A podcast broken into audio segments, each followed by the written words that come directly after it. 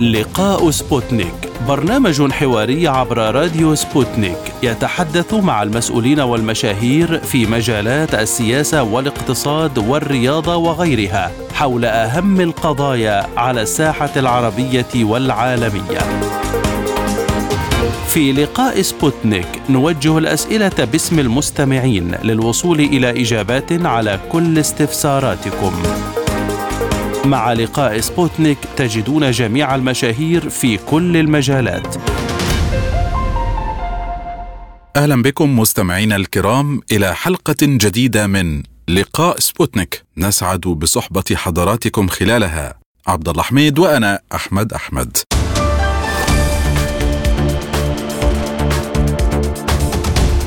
مستمعينا الأكارم أعلنت سوريا إعادة فتح سفارتها في تونس وتعيين سفير على رأسها بعدما اتخذت تونس خطوة مماثلة في وقت سابق. جاء ذلك في بيان مشترك للدولتين حسب ما ذكرت وكالة الأنباء السورية سانا. وقال البيان إن إعادة فتح السفاره السوريه في تونس يمثل تجاوبا مع المبادرة التي قام بها الرئيس التونسي قيس سعيد. والذي قام بتعيين سفير لبلاده في العاصمة دمشق. ولفت البيان إلى أن الحكومة السورية أعلنت موافقتها الفورية على تعيين سفير تونسي ومن ثم قررت إعادة فتح سفارتها في تونس وتعيين سفير جديد خلال فترة قريبة. وأوضح البيان أن هناك تواصلا وتشاورا مستمرا بين البلدين. مؤكدا استمرار التنسيق بين وزيري الخارجية في البلدين حرصا منهما على إعادة العلاقات الثنائية إلى مسارها الطبيعي. كان وزير الخارجية السوري فيصل المقداد قد قام بزيارة إلى مصر قبل نحو أسبوع أجرى خلالها محادثات مع نظيره المصري سامح شكري في خطوة جديدة تؤشر لاستعادة العلاقات بين بعض الدول العربية ورئيس بشار الأسد. وتعد هذه الزيارة الأولى لمسؤول سوري على هذا المستوى منذ أكثر من عشر سنوات. وتجري العديد من الدول العربية مشاورات مؤخرا لعودة العلاقات العربية السورية إلى طبيعتها مع احتمالية عودة سوريا إلى الجامعة العربية. حول العلاقات العربية السورية وعلاقات الدولة السورية بالعالم وغيرها من الأحداث نتحدث إلى رئيس لجنة العلاقات الخارجية في البرلمان السوري دكتور عمار الأسد. سيدي أهلا بك. بداية ما هو الوضع الحالي للبرلمان السوري؟ وهل تنعقد جلساته بشكل دوري؟ وهل هنالك من معوقات؟ لا لا ابدا نحن نمارس عملنا بشكل اعتيادي والجلسات تقام والتشريع واصدار القوانين ومناقشة كل المشاريع التي تأتي من الحكومة لا الأمور أكثر من ممتازة في عمل مجلس الشعب. ومن المسؤول اذا عن عرقلة عمل اللجنة الدستورية كما يتردد الدكتور؟ آه أنا أعتقد أنه لا يوجد عرقلة بالمعنى بالمعنى الحرفي يعني الموجود أن هناك مراحل تحتاج إلى وقت وهذا الوقت يعتمد على إمكانية الوصول إلى تقارب وجهات نظر دون المساس طبعا بالثوابت آه، الوطنيه وحفاظ على على مؤسسات الدولة بكافة أنواعها.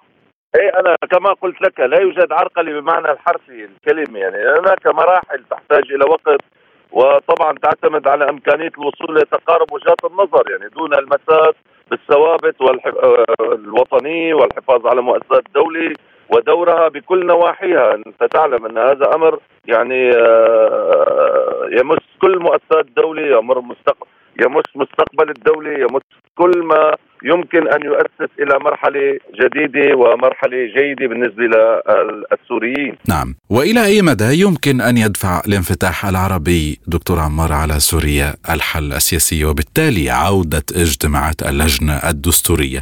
طبعا يشكل الاجماع العربي والإقليمي حول أهمية عودة سوريا إلى آه، إلى عمقها العربي ويعني وإمكانية الحوار مع الحكومة السورية لمعالجة التحديات العالقة يعني أعتقد أن آه، يعني ذلك آه، أصبح يعني بإدراك الجميع وأن اقصاء سوريا من منظومة العمل العربي أو من منظومة يعني الجامعة العربي الجامعة العربية المشتركة بتعليق عضويتها طبعا بال 2011 لم يجدي نفعا يعني هذا أصبح واضح يعني للعيان. واندماج سوريا في المنظومة العربية أصبح ضروري حتمي.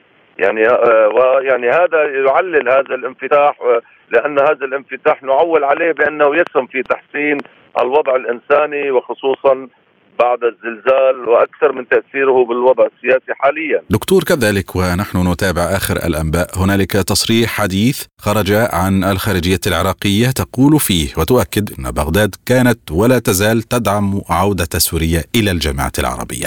ما تعليقكم؟ طبعا هذا يعني العراق آه، الإمارات آه، سلطنة عمان آه، مصر الشقيقة الجميع ينادي ويدعو إلى عودة سوريا لأن كما قلت لك نحن تآلفنا بقوتنا تآلفنا بوحدتنا. اليوم نحن علينا أن نحدد العدو العدو واضح العدو هو واحد للعرب ولكل البشرية جمعاء والعدو الإسرائيلي. لذلك نحن يعني الإخوة في العراق لم تنقطع ابدا التشاور والعلاقات و والزيارات وأيضا كما قلت لك الإخوة في الإمارات العراق.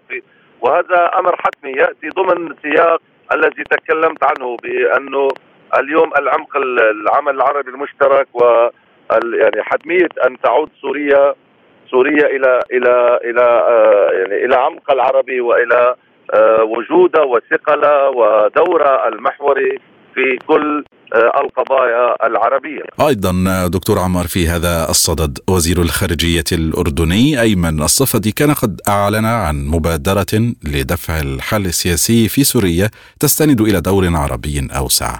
ما موقف دمشق حاليا من هذه المبادرة؟ آه، دمشق عادة لم تغلق بابها في وجه أي صديق أو آه، أو أو أو شقيق. يعني هذا أمر أصبح واضح للعيان. نحن منفتحون على كل المبادرات ونرحب بكافة المبادرات نقوم بدراستها ونأخذ منها آه، ما يناسب ما يناسبنا نحن الواقع الذي نعيشه يعني آه، كوضع سياسي واقتصادي وكما قلت لك كل هذه المستجدات يعني آه، تدرس وهي مرحب بها بكل بكل رحب الصدر. دكتور عمار طبعا في ثنايا حوارنا سنعود مرارا جيئة وذهابا إلى اللجنة لجنة العلاقات الخارجية بالبرلمان السوري التي تترأسونها لنتعرف دورها ومواقفها مما يحدث على الساحة بطبيعة الحال ولموقعكم الجوهري بها بالطبع. إذا دكتور ما هو دور هذه اللجنة في هذه اللحظة الفارقة التي تمر بها سوريا؟ ما هي أهم الملفات أيضا التي تتناولها في الوقت القريب أو تندرج على جدولها على المدى البعيد؟ يعني آه، موضوع جدول الأعمال هو يعني هو أعتقد كان وما زال أساسي في أي اجتماع يعني كي يتم مناقشة كل النقاط التي يمكن أن تخدم وتقرب وجهات نظر. كما قلت لك مع البعد عن المساس بالثوابت الوطنية وبمصلحة وبشكل وبكيان الدولة السوري من خلال مؤسساتها بكافة بكافة بكافة أشكالها طيب وماذا عن آخر المستجدات فيما يتعلق بتطبيع العلاقات السورية مع الرياض؟ نحن يعني نتلقى الإشارات ونتلقى الرسائل آه، منذ آه، فترة ليست بقريبة يعني. هناك كثير من الأجواء الطيبة والإيجابية مع الإخوة والأشقاء في الرياض. وأعتقد بأن الدفع باتجاه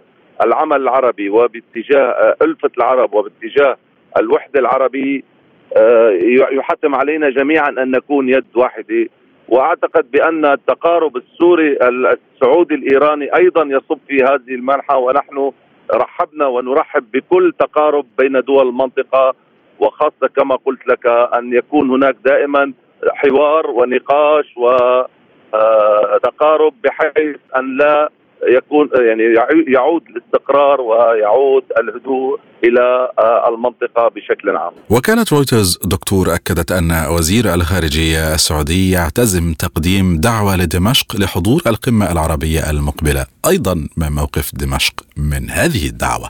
نحن أكيد كما قلت لك نرحب دائما وابدا بكل المبادرات وبكل التقارب وبكل ال يعني النقاشات يعني اليوم ما ما ما يدور هو كما قلت لك يعني يكون دائما ضمن السياق فيما يخص موضوع العلاقات العربية العربية وما صرحت القيادة السورية بأن هناك أن يكون هناك اريحيه بين الدول العربية قبل أن يكون هناك دعوة إلى القمة العربية أو إلى الجامعة العربيه أو أو أو. اليوم الدولة السورية تبحث إلى إلى عمق عربي وإلى علاقات مشتركة مصيرية بيننا وبين الإخوة العرب. وليس فقط أن نذهب إلى اجتماع هنا أو اجتماع هناك ليس بحد ذاته هو الهدف العودة أو اللقاء. الهدف الأساسي هو التقارب والحوار والقوه أو الوحدة بين الدول العربية فيما بينها.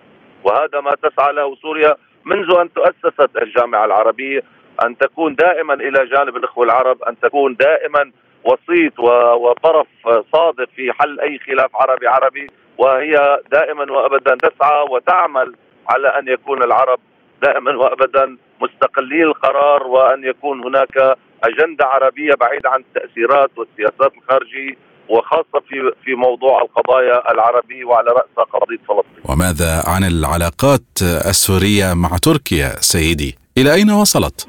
نحن نسمع تصريحات كثيرة ونحن نعول على يعني على الأفعال وعلى العمل الجاد الصادق ليس فقط على الأقوال، نحن لا نعمل وفق مصالح أحد، يعني أن يكون هناك مصلحة لتركي نحن بالمقابل لن نعمل إلا لمصالحنا، كما قلت لك يعني نحن كل يعني لا يؤخذ على على على على محمل الجد ولا حاجة للرد عليه يعني على اوجلو الذي قال أنه أنه يعني ما في داعي هلا للقاءات آه، يعني ما في مكاسب للقاءات. إحنا اليوم قلت لك هناك تصريحات كثيرة هناك تناقض في تصريحات التركي آه، يعني نحن نحن نسعى لتحقيق مكاسب وهو الانسحاب التركي من الأراضي السورية. طيب وهل هنالك من شروط تطلبها دمشق لتطبيع علاقاتها مع أنقرة دكتور؟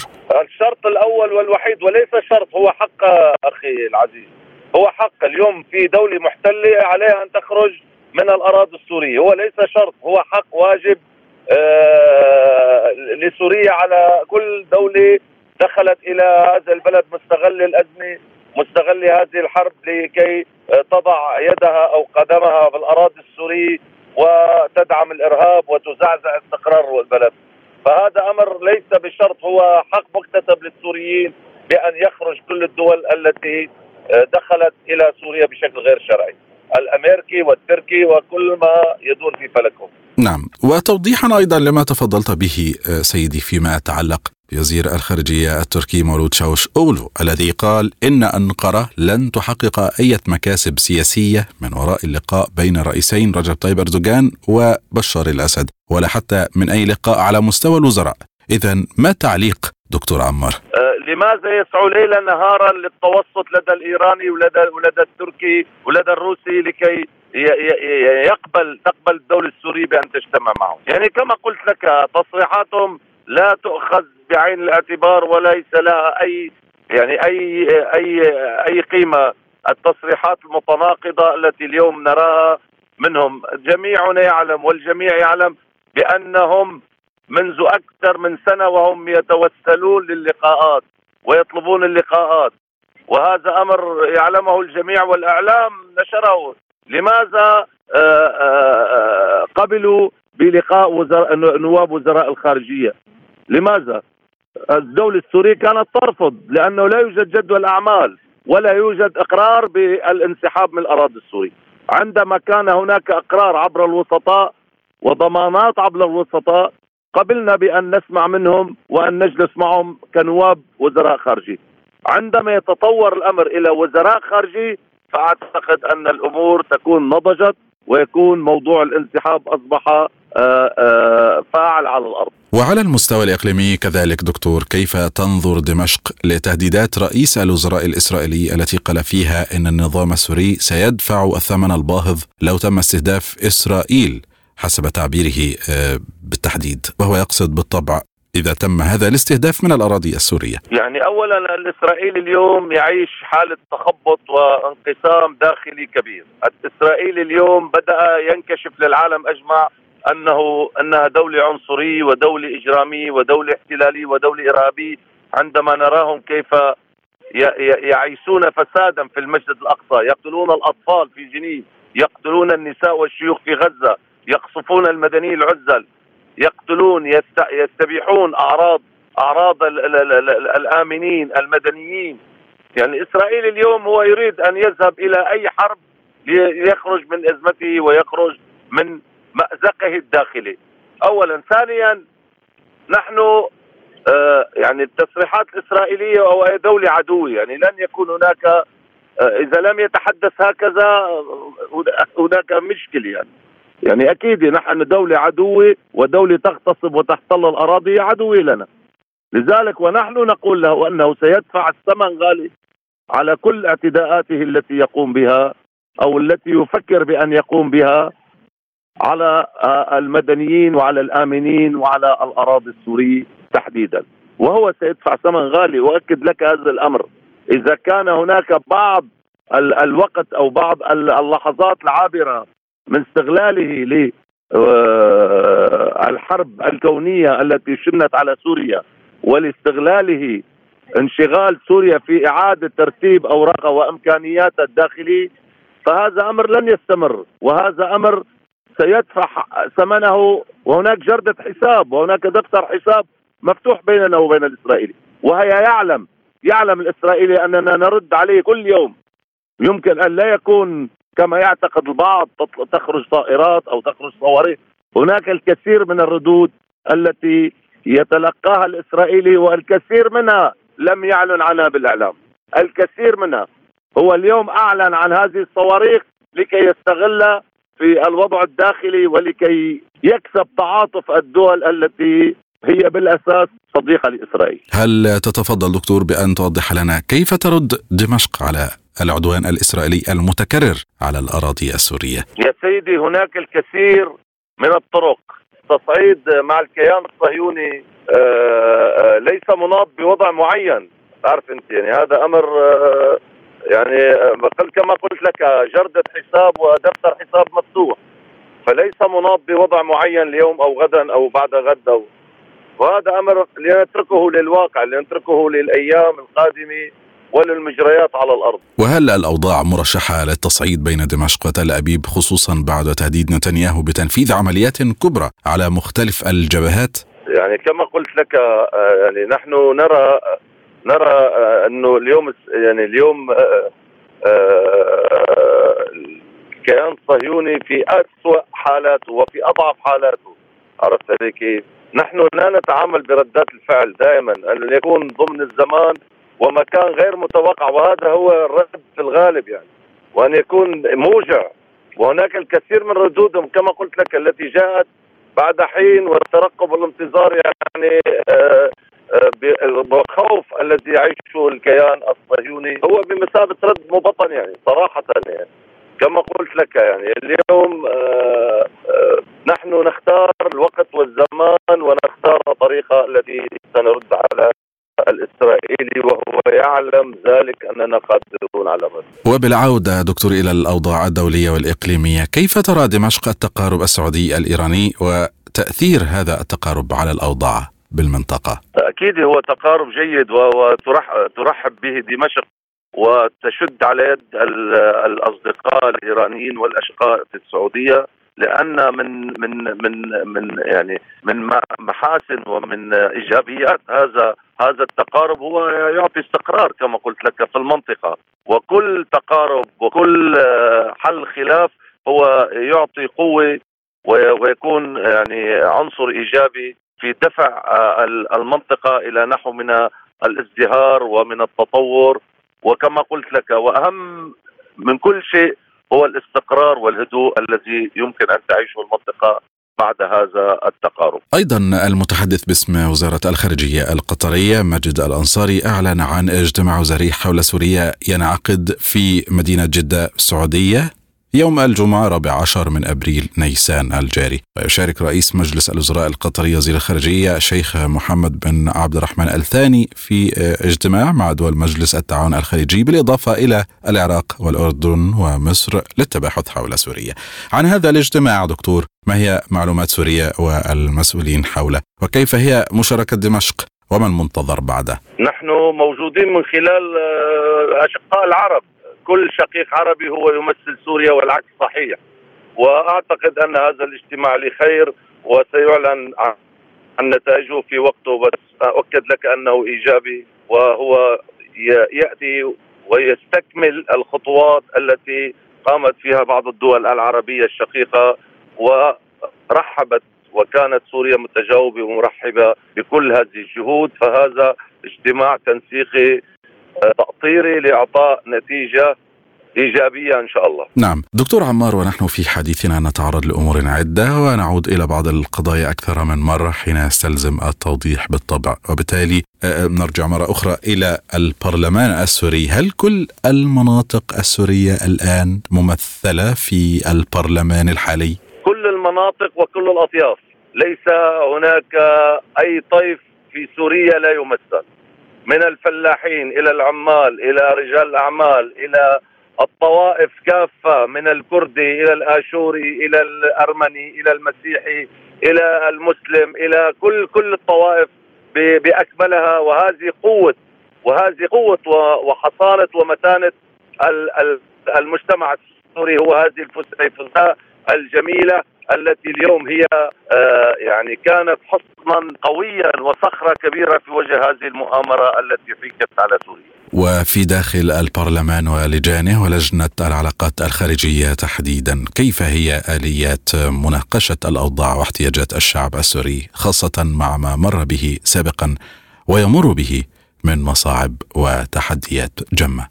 مجلس الشعب يقوم بدوره المناط له بالدستور وبنظامه الداخلي وهو وهو آه، موكل ان يقوم آه، بكل ما يخدم أهلنا وإيصال صوتهم إلى كل الجهات، تعرف نحن دورنا تشريعي رقابي كمجلس الشعب، فنحن نشرع ونراقب ونعطي للحكومة كل الإشارات التي يمكن أن يوصلها أهلنا في ما يخص احتياجاتهم وفي ما يخص أوضاعهم الإنسانية وخاصة بعد هذا الزلزال المدمر الذي اليوم زاد اطيم بل يعني هناك الكثير من العراقيل ومن الصعوبات نتيجة العقوبات الأمريكية الغربية وحاديه الجانب الجائره على الشعب السوري. جاء الزلزال ليكمل الكثير منها أو ليزيد صفحة أو يزيد حلقة من حلقات التعب وال ال ال ال ال يعني ال الوجع لاهلنا السوريين فنحن كمجلس الشعب منذ اللحظة الأولى على الأرض مع كل أهلنا ومساعده في كل ما يمكن أن يخفف عنهم أعباء وأثار هذا الزلزال. وكيف تتصرف الدولة السورية ككل والبرلمانيون إزاء كل ما يحدث وفي آه، آه، خضم هذه الظروف خاصة مع تفاقم الأزمات واستمرار الحصار والعراقيل كما أشرتم دكتور. والله بالمتاح بالمتاح لا أحد يبخل كما قلت لك دول كثيرة سارعت إلى مساعدة الدولة السورية والشعب السوري ولكن أؤكد لك أن من صنع الفارق هو الشعب السوري نفسه عندما بدأت القوافل تأتي من من درعا إلى اللاذقية ومن السويداء إلى إلى إلى حلب ومن الرقة ومن القامشلي ومن الحسكي ومن كل المحافظات السورية. هب الشعب السوري كافة بكل إمكانياته. يعني اليوم كان كان أهلنا يتبرعون بثيابهم يتبرعون بكل بأدواتهم المنزلية بعفش بحرامات ببطانيات بكل كل شيء كل شيء. لم يدخروا أي شيء للوقوف إلى جانب اهلهم كما قلت هذه هي قوة الشعب السوري. هذه متانة المتانه وهذا الحصن الكبير الذي أسقط هذه المؤامرة هو محبه الشعب السوري لبعضه. ووقوفه إلى جانب بعض واللهف والغيري على بعضه في كل المصائب وكل المحن التي مرت علينا. سيدي بصفتكم آه، رئيسا للجنة العلاقات الخارجية بالبرلمان السوري، ماذا عن وضع السوريين في الخارج حول العالم؟ وهل هنالك متابعة دورية لهم؟ أكيد أكيد هناك متابعة وتواصل من كان بشكل مباشر أو حتى عن طريق السفارات أو أو القنصليات وكان لهم دورا أيضا كبير في في تخفيف من آثار هذا الزلزال كما قلت لك سوري في الداخل والخارج انبرى وكان يعني يعني آه، مثل ما بيقولوا آثر على نفسه كل شيء يقدم لأهله مساعدة. نعم، وهل تتابعون وضع السوريين كافة بالخارج من نازحين ولاجئين كذلك حول العالم وفي مختلف الظروف؟ آه، كما قلت لك لا تنقطع، هناك الكثير من التواصل وهناك الكثير من النقاشات ونحن ندعو كل نازح. أن هناك فرق بين المغترب وبين النازح. أنا تكلمت عن المغتربين الذين لديهم الإمكانية في المساعدة في موضوع تخفيف من اثار الزلزال، كما قلت لك للمرة المليار الدولة السورية تفتح أبوابها لأبنائها وتدعوهم إلى العوده الامنه والطوعيه والمطمئنة، هذا أمر ليس بجديد، نحن نؤكد في كل لحظة كل مغترب كل نازح عفوا. أنا تكلمت عن المغتربين الذي ساعدوا في موضوع الزلزال. أنا اليوم أتكلم عن النازحين الذين خرجوا الأغلب بفعل الإرهاب وبفعل العصابات الإرهابية التي هجرتهم من مناطقهم. الدولة السورية تفتح أبوابها دائما وتؤكد على عودة السوريين وتؤكد أنها مستعدة لاستقبالهم بشكل طوعي وآمن ومطمئن. كذلك كيف تسير عودة السوريين الذين غادروا البلاد تحت وطأة المعارك أو أي سبب آخر؟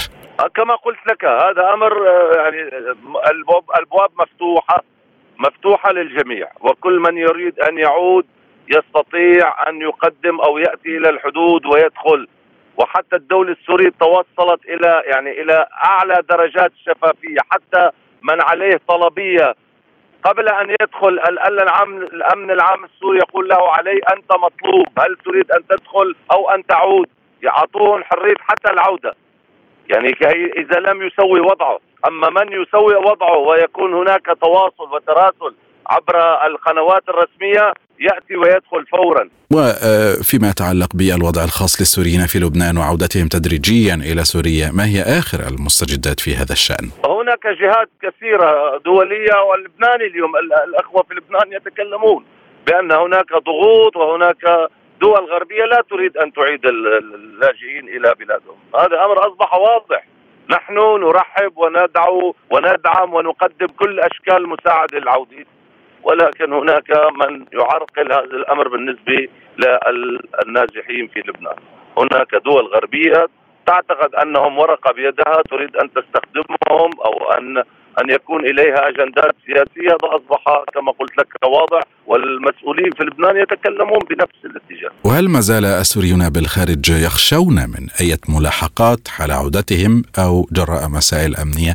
يعني نقطة نريد استزادة الإيضاح بشأنها دكتور إذا تفضلت. لا لا ابدا أنا قلت لك اليوم كل من لديه ملف ليس الأغلبية من لديهم ملفات هناك اناس عليهم ملفات كل من لديه ملف ويراسل عبر القنوات الرسمية وي ويعني يوضح يثبت يبحث يقدم وثائق كل هذه الأمور يمكن أن تحل هذه المشكلة ويأتي ويدخل مباشرة. نحن خضنا حرب 12 سنة يا أخي 12 سنة. أكيد هناك مفرزات وهناك ارتدادات وهناك آثار على قسم لا بأس به من من خرجوا يعني في موضوع الحرب ومفرزات طيب في السياق أيضا نذهب كذلك لوضع السوريين في تركيا واعدادهم الكبيرة، هل هنالك أي إحصاءات بهم؟ وبمن عاد في الفترة الأخيرة وكيف أحوالهم؟ أو أنا أقول لك كل دولة تعطي إحصائيات حسب مصالحها، هذا أمر أصبح واضح، يستفيدون بمساعدات دولية، يستفيدون بمساعدات من المنظمات الأمم المتحدة يستفيد ذلك يرفعون الأرقام.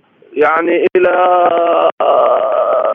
إلى أقصى حد وهي ليست دقيقة، لا أعتقد بأن هناك دولة على أرضها نازحين تعطي الرقم الحقيقي. هم يعطونا خمس أضعاف أو ست أضعاف زيادة.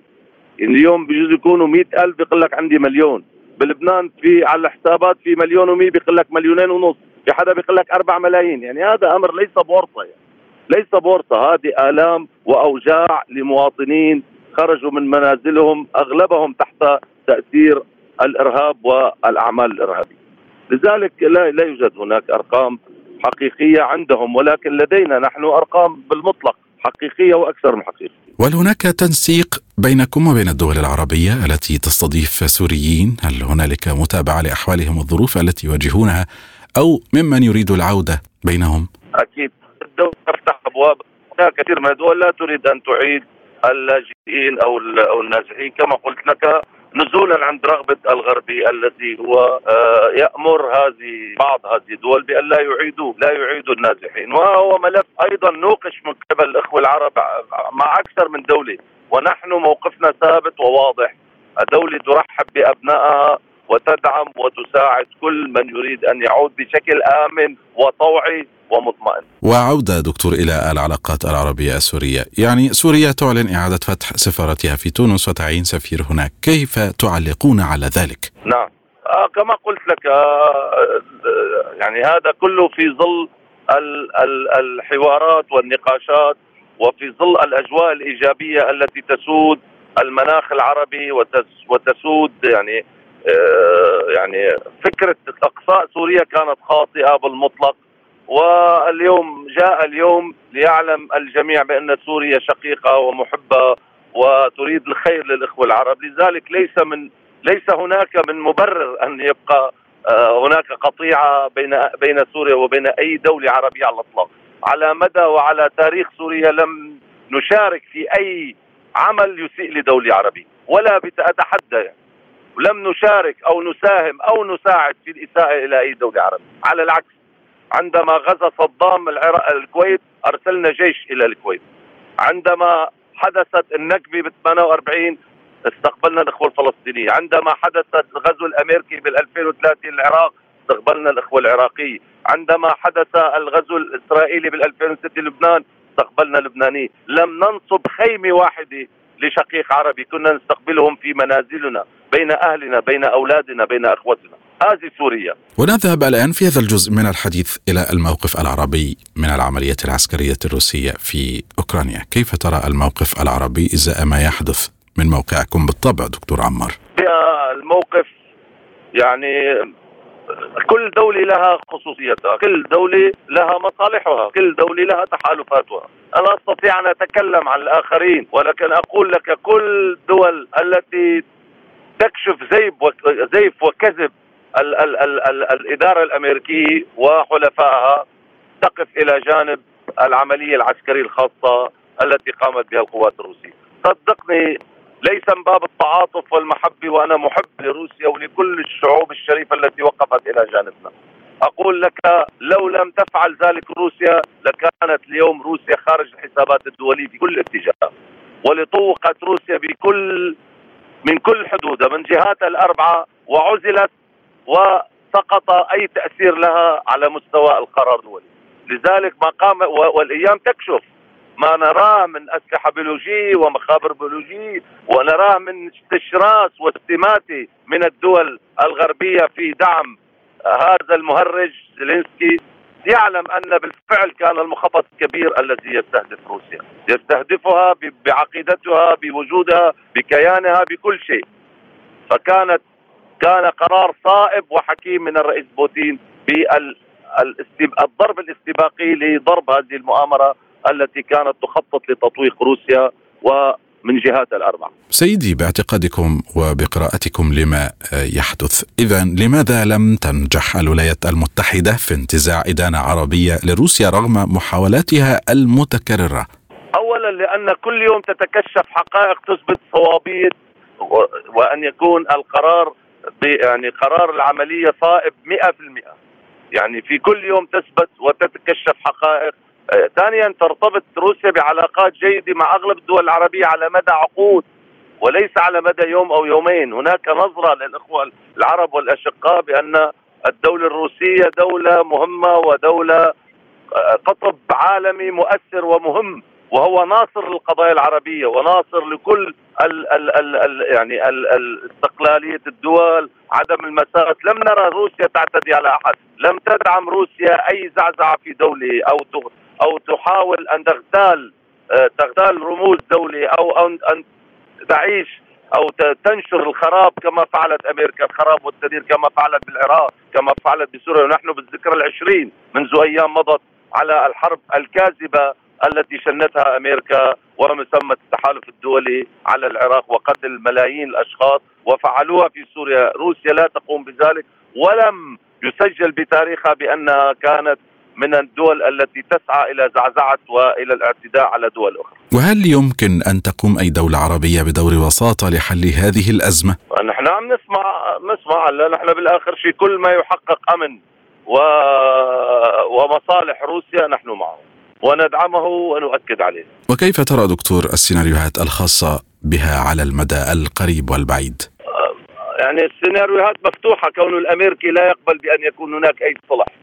يعني انهيار القطب الواحد وانهيار أمريكا على مستوى التأثير العالمي هو أساس هذه الحرب يعني اليوم الأمريكي لن لن يسلم الأمر بسهولة بأن يخسر والروسي لن يخسر الروسي يدافع عن ارضه يدافع عن من يتكلمون اللغة الروسية على اضطهدون على سنوات لم نسمع ثمان سنوات لم نسمع أي أحد يساعد ال ال ال الإخوة ال ال في دونباس و الذين كانوا يحاولون أو أو يحاولون أن يعيشوا حياة طبيعية. في هذه آه، الأثناء آه، كيف ترون أيضا التغطية الإعلامية للأزمة الأوكرانية، التغطية العربية والغربية أقصد؟ إيه، أكيد يعني التغطية التغطية الإعلامية جيدة، أصبحت تقنيات حديثة وتقنيات. كما قلت لك كل دولة كل قناة تذهب باتجاه مصالحها يعني هناك دول لا لا تعطي تعطي يعني تنظر بعين الأوكراني لا تنظر بعين الحقيقة. وفي سوريا كيف ترى التغطية الإعلامية خاصة للمواقف الأخيرة والتحولات والأحداث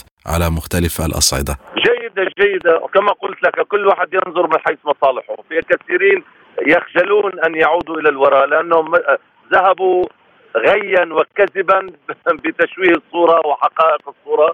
وبدهم فترة بدهم فترة شوي ليستوعبوا ويعودوا إلى رشدهم. دكتور عمار في هذه الفقرة الختامية كعادتنا في لقاء سبوتنيك نتطرق إلى حياتكم الشخصية وعن مسيرتكم في العمل السياسي من البداية والتدرج إلى أن بلغت هذه المنزلة وهذا الموقع. رفيع ماذا تود أن تقول لمستمعينا الأكارم؟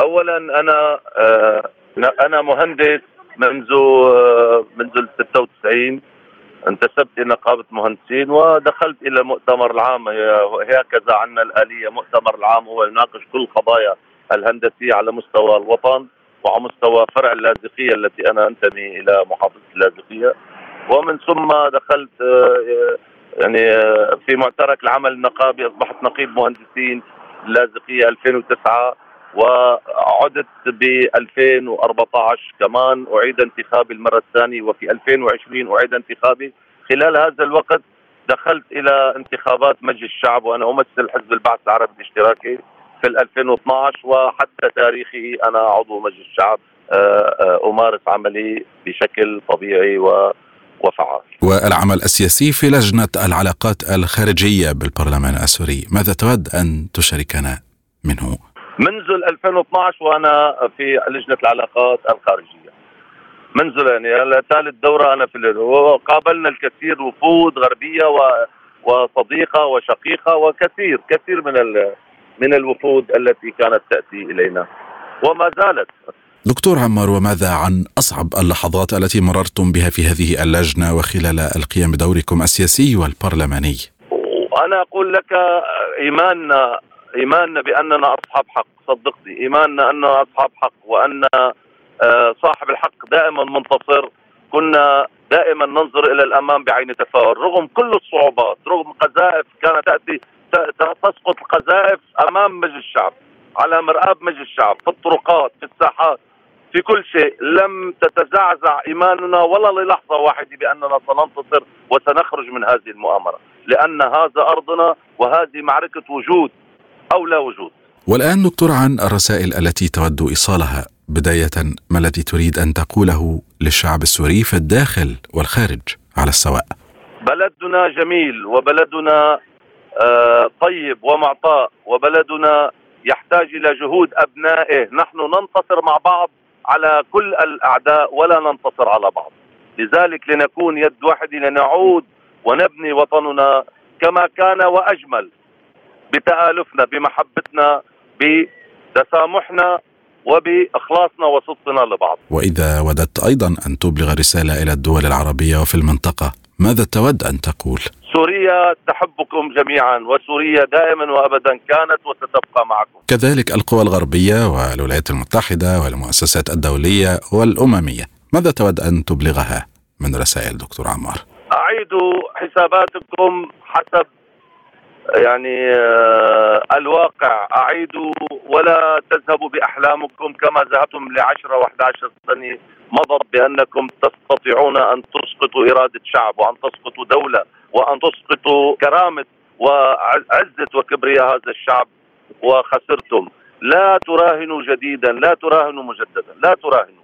لن تحصدوا إلا الخيبة والخذلان سوريا دولة محورية ومهمة وكانت على مدى عقود شريك لكل دول العالم في كل ما يعزز الاستقرار والهدوء والمصالحة والمحبة. اعيدوا حساباتكم و آه، آه، انزعوا هذه الأحلام والأوهام التي كنتم تعيشونها على مدى 11 سنة لأنكم لن تحققوا ولن تحققوا لا الآن ولا غدا ولا بعد مئة سنة. ختاما دكتور إذا كانت هنالك من رسالة تود أن تبلغها عبر راديو سبوتنيك فما هي هذه الرسالة وإلى من توجهها؟ والله لكل شريف حول هذا العالم أن يكون هناك بالفعل آه، وقفة واحدة في وجه الغطرسة وفي وجه نشر الخراب والدمار ونشر الأكاذيب لتحميل البشرية مزيد من القتل ومن الدم ومن الأعباء ومن التشرد ومن الاضطهاد. فعلينا جميعا كشرفاء في هذا العالم عبر هذا الراديو المحترم راديو سبوتنيك وفريقه المحترم وفريقه ال ال ال الذي يتمتع بمهارة وبصدق وبحيادية عالية وليكون هناك مزيد من الأمان والاستقرار والطمأنينة حول هذا العالم. في ختام هذا الحديث نتوجه بجزيل الشكر إلى الدكتور عمار الأسد رئيس لجنة العلاقات الخارجية في البرلمان السوري. شكرا جزيلا لك سيدي وشكر أيضا موصول لحضراتكم مستمعينا الأكارم في هذه الحلقة من لقاء سبوتنيك والآن إلى جولة إخبارية مع زميل عبد الله حميد. شكرا للزميل أحمد أحمد ومعكم في نشرة الأخبار عبد الله حميد أهلا بكم. قامت بطارية مدفعية روسية تضم مدافع هاوتزر طراز مستا اس ذاتية الدفع بقصف حشد تابع للقوات الأوكرانية على محور زابوروجيا. وقال قائد البطارية أنه في الوقت الحالي تتمركز البطارية في مرابض النيران بالمنطقة المحددة وتقوم بتنفيذ المهام القتالية المخصصة وهي إطلاق النار على أهداف منفصلة ومكافحة بطاريات المدفعية المعادية بالإضافة إلى المهام التي يتطلب تنفيذها استخدام ذخائر عالية الدقة. وأضاف القائد أنه مستهدف مدفع هاوتزر ذاتي الدفع وحشدا من القوة البشرية للتشكيلات العسكرية الأوكرانية. أعلنت وزارة الخارجية الروسية أنه من الضروري طرح مسألة سلامة حركة المرور الجوي المدني في العالم وأوروبا في ظل تسليم الأسلحة الغربية المحمولة يدويا والأسلحة الموجهة ضد الدبابات إلى أوكرانيا. وأشارت الوزارة إلى أن الاتحاد الأوروبي ودوله الأعضاء قد نقلوا أسلحة ومعدات عسكرية بأكثر من 12 مليار يورو أي ما يعادل 13 1.1 مليار دولار إلى كييف وقدموا أسلحة ثقيلة وطائرات ودبابات واتفقوا على تزويد القوات المسلحة الأوكرانية بمليون قذيفة مدفعية بحلول نهاية العام ولا يمنعون استخدام المرتزقة إلى بلدانهم. وأضافت الوزارة إلى أن الأسلحة الغربية التي تصل إلى أوكرانيا تنتشر في جميع أنحاء العالم في مناطق النزاعات الإقليمية الأخرى وتنتقل إلى يد المجرمين والإرهابيين والمتطرفين وسيظهر قريبا أهمية طرح مسألة سلامة حركة المرور الجوي المدني في العالم بما في ذلك فوق أوروبا. كشف نائب وزير الخارجية الروسي سيرجي ريابكوف أن موسكو أبلغت الولايات المتحدة بتجربة إطلاق صاروخ باليستي عابر للقارات من موقع اختبار كابوستنيارا وقال ريابكوف إنه يتم إرسال جميع الإخطارات المتعلقة بإطلاق صواريخ باليستية عابرة للقارات والصواريخ الباليستية من الغواصات كما كان الحال عليه سابقا. وأشار إلى أن الولايات المتحدة لم تصدر بعد تأشيرات دخول لوزير الخارجية الروسي سيرجي لافروف والوفد الروسي للمشاركة في مجلس الأمن الدولي. أكد تقرير اللجنة البرلمانية الروسية حول المختبرات البيولوجية الأمريكية أن البرنامج البيولوجي العسكري الأمريكي أصبح هجوميا واسع النطاق وأكد التقرير أن الولايات المتحدة تهدف إلى تطوير سلاح بيولوجي عالمي معدل وراثيا وقادر على إصابة البشر والحيوانات وكذلك المحاصيل الزراعية. ويشمل استخدامه من بين أمور أخرى إلحاق أضرار اقتصادية واسعة النطاق وغير قابلة للإصلاح بالمواقع المستهدفة. وذكر التقرير أن الجيش الأمريكي ينطلق من حقيقة أن امتلاك مثل هذه الأسلحة الفعالة سيغير طبيعة النزاعات المسلحة الحديثة. وفي ذلك تعمل واشنطن على تكثيف أنشطتها الطبية والبيولوجية في فضاء ما بعد الاتحاد السوفيتي وتحديث المختبرات البيولوجية وفقا للمعايير الأمريكية والسعي للسيطرة على الخدمات الصحية الوطنية والوبائية والبيطرية. أعلنت وزارة الدفاع الروسية عن اكتشاف 240 مسببا للأمراض الخطيرة بما فيها الكوليرا والجمرة الخبيثة في المختبرات الأوكرانية مشيرة إلى أنها تقوم بدراستها.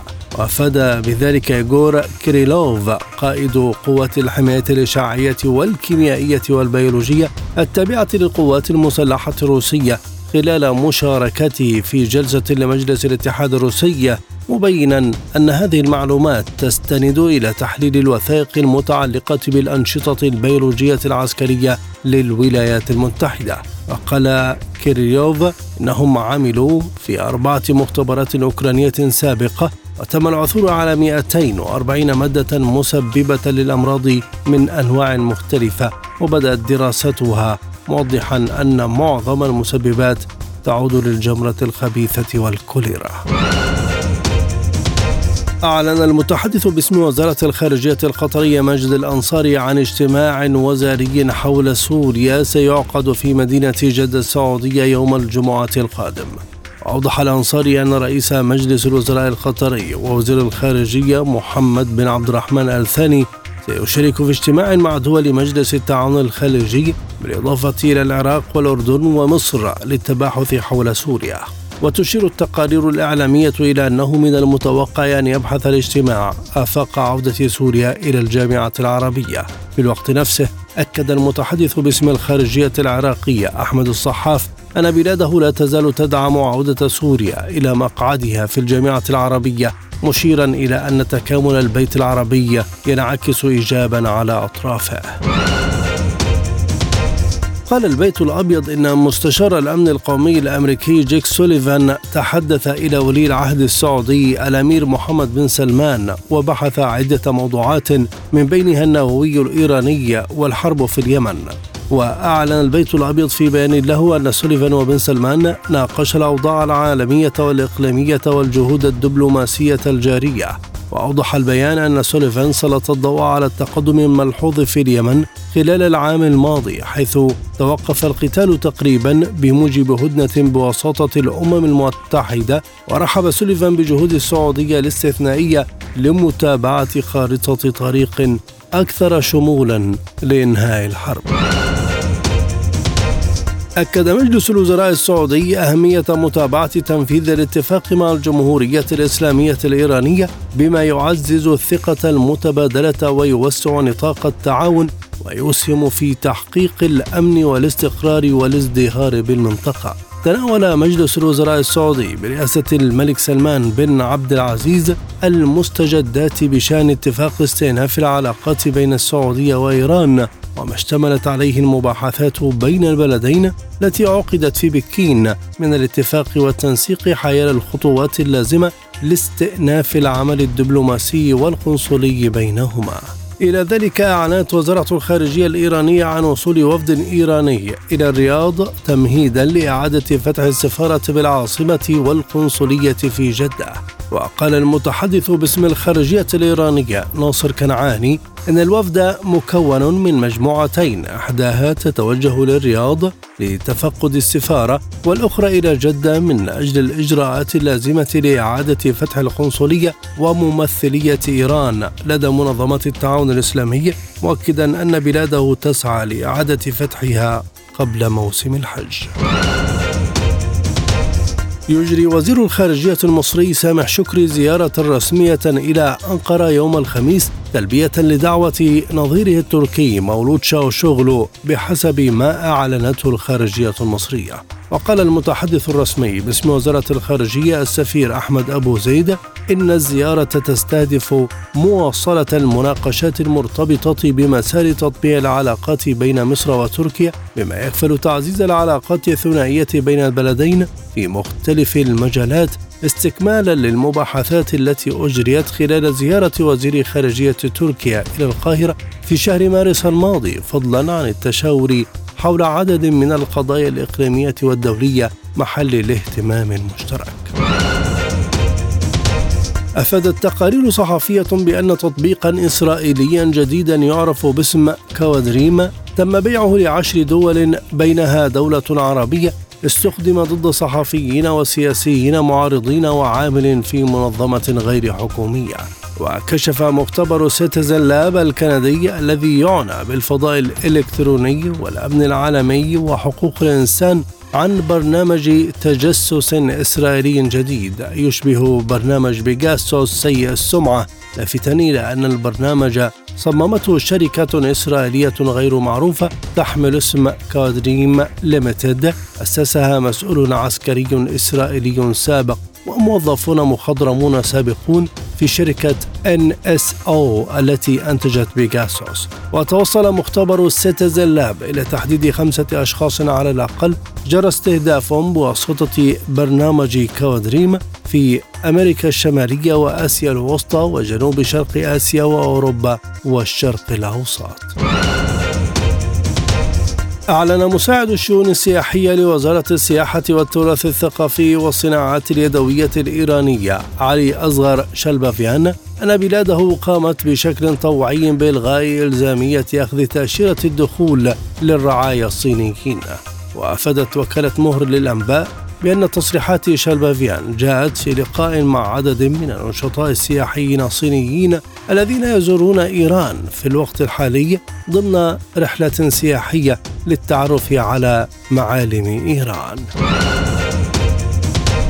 تحتفل روسيا بيوم الفضاء الدولي في الثاني عشر من أبريل الذي يصادف أول رحلة فضائية في العالم قام بها رائد الفضاء السوفيتي يوري جاغارين وتتهيأ لإطلاق مسبار لونا 25 القمرية والمحطة الفضائية الروسية القومية والاستمرار في دراسة الفضاء السحيق بواسطة محطات أوتوماتيكية وتلسكوبات فضائية. وقد هنأ اليوم رواد الفضاء الروس الثلاثة كل المواطنين الروس بيوم الفضاء الدولي من متن المحطة الفضائية الدولية. وأفادت وسائل الإعلام بأن شركة إنيرجيا الفضائية الروسية تخطط لإنجاز التصميم الأولي للمحطة الفضائية الروسية نهاية عام 2023 لتطلق أول وحدة للمحطة إلى مدار الأرض بحلول عام 2028 في أخبارنا الاقتصادية وافقت السلطات الإيطالية على صفقة بيع مصفاة ISAB في صقلية التي تملكها شركة لوك أويل الروسية وذلك بعد العراقيل التي تسببتها العقوبات الغربية. وذكرت وسائل إعلام إيطالية بأن مجلس الوزراء الإيطالي وافق على صفقة بيع المصفاه مجموعة الطاقة جي أو آي إنرجي وأدخلت السلطات الإيطالية عددا من الشروط لمراقبة عمل المصفاه ومنها القدرة على تتبع مصدر النفط الذي يدخل المصفاة ومراقبة مستوى التوظيف لموظفي المصنع وعبء العمل على طاقاته الإنتاجية.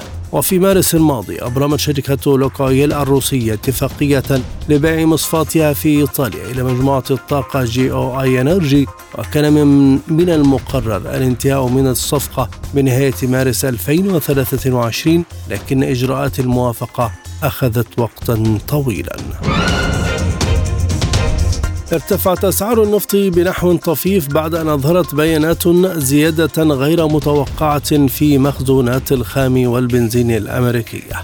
ارتفعت العقود الآجلة للخام الأمريكي بنسبة 0.15% إلى 81 دولارا و65 سنتا للبرميل. بما صعدت العقود الآجلة لخام برنت بنسبة فاصل 19% إلى 35 دولارا و77 سنتا للبرميل. وأشارت بيانات من معهد البترول الأمريكي إلى ارتفاع مخزونات الخام بمقدار 380 ألف برميل في الأسبوع المنتهي في السابع من إبريل 2023 توقع البرازيل والصين قرابة 20 اتفاقية ثنائية وأشار خبراء إلى أن البلدين قد يعلنان عن استخدام اليوان الصيني في التجارة المتبادلة. وقالت الحكومة البرازيلية في بيان إن البرازيل والصين ستوقعان 20 اتفاقية ثنائية على الأقل خلال زيارة الرئيس البرازيلي لويس إناسيو لولا دي سيلفا وأضافت أن الرئيس يعتزم زيارة شنغهاي وبكين حيث سيلتقي نظيره الصيني شي جين بينغ الجمعة القادم كما أشار البيان إلى أن الرئيسين سيناقشان قضايا التجارة والاستثمار وإعادة التصنيع والطاقة وتغير المناخ واتفاقيات السلام. كان الرئيس البرازيلي قد وصل إلى الصين يوم الثلاثاء في زيارة رسمية تهدف إلى تعزيز العلاقات مع أكبر شريك تجاري لبلاده.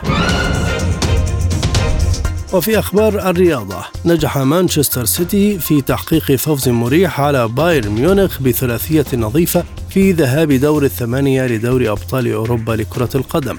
ووصل النجم النرويجي أرلينغ هالاند تحطيم الأرقام القياسية بتسجيله هدفا خلال اللقاء الذي تقدم فيه السيتي بهدفين لرودري وسيلفا ثم اختتم هالاند الثلاثية للفريق الإنجليزي بحلول الدقيقة السادسة والسبعين من عمر المباراة التي جرت على ملعب الاتحاد بمدينة مانشستر. ووفقا لموقع أوبتا للأرقام والإحصائيات فقد أصبح المهاجم النرويجي أكثر لاعب تسجيلا للأهداف لفريق من الدوري الإنجليزي في موسم واحد بمختلف البطولات. خلال عصر البريمير ليج برصيد 45 هدفا يتخطى بذلك الثنائي الهولندي رود فان نيستلروي النجم السابق لفريق مانشستر يونايتد والنجم المصري محمد صلاح جناح ليفربول الحالي برصيد 44 هدفا لكل منهما.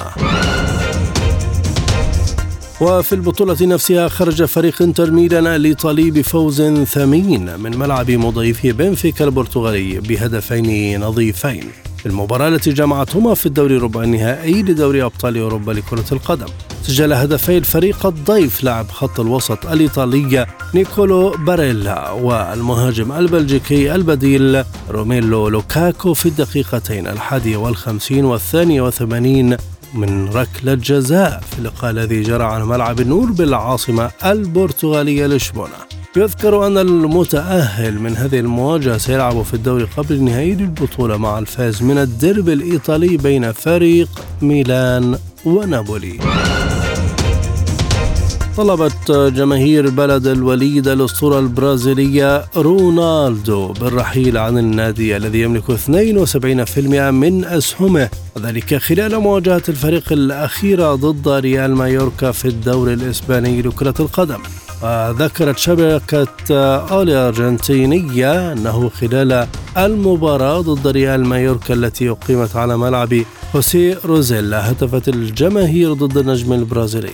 وخرج بلد الوليد من اللقاء متعادلا بنتيجة ثلاثة ثلاثة أمام ضيف ريال مايوركا لحساب الجولة الثامنة والعشرين من الليغا. ويتواجد بلد الوليد في المركز السابع عشر في جدول الترتيب برصيد 29 نقطة ويبتعد بفارق نقطتين فقط عن مراكز الهبوط. بهذا تنتهي نشرة الأخبار ومعها تنتهي هذه الحلقة من لقاء سبوتنيك. شكرا لكم مستمعينا الكرام على حسن المتابعة طابت أوقاتكم وإلى اللقاء.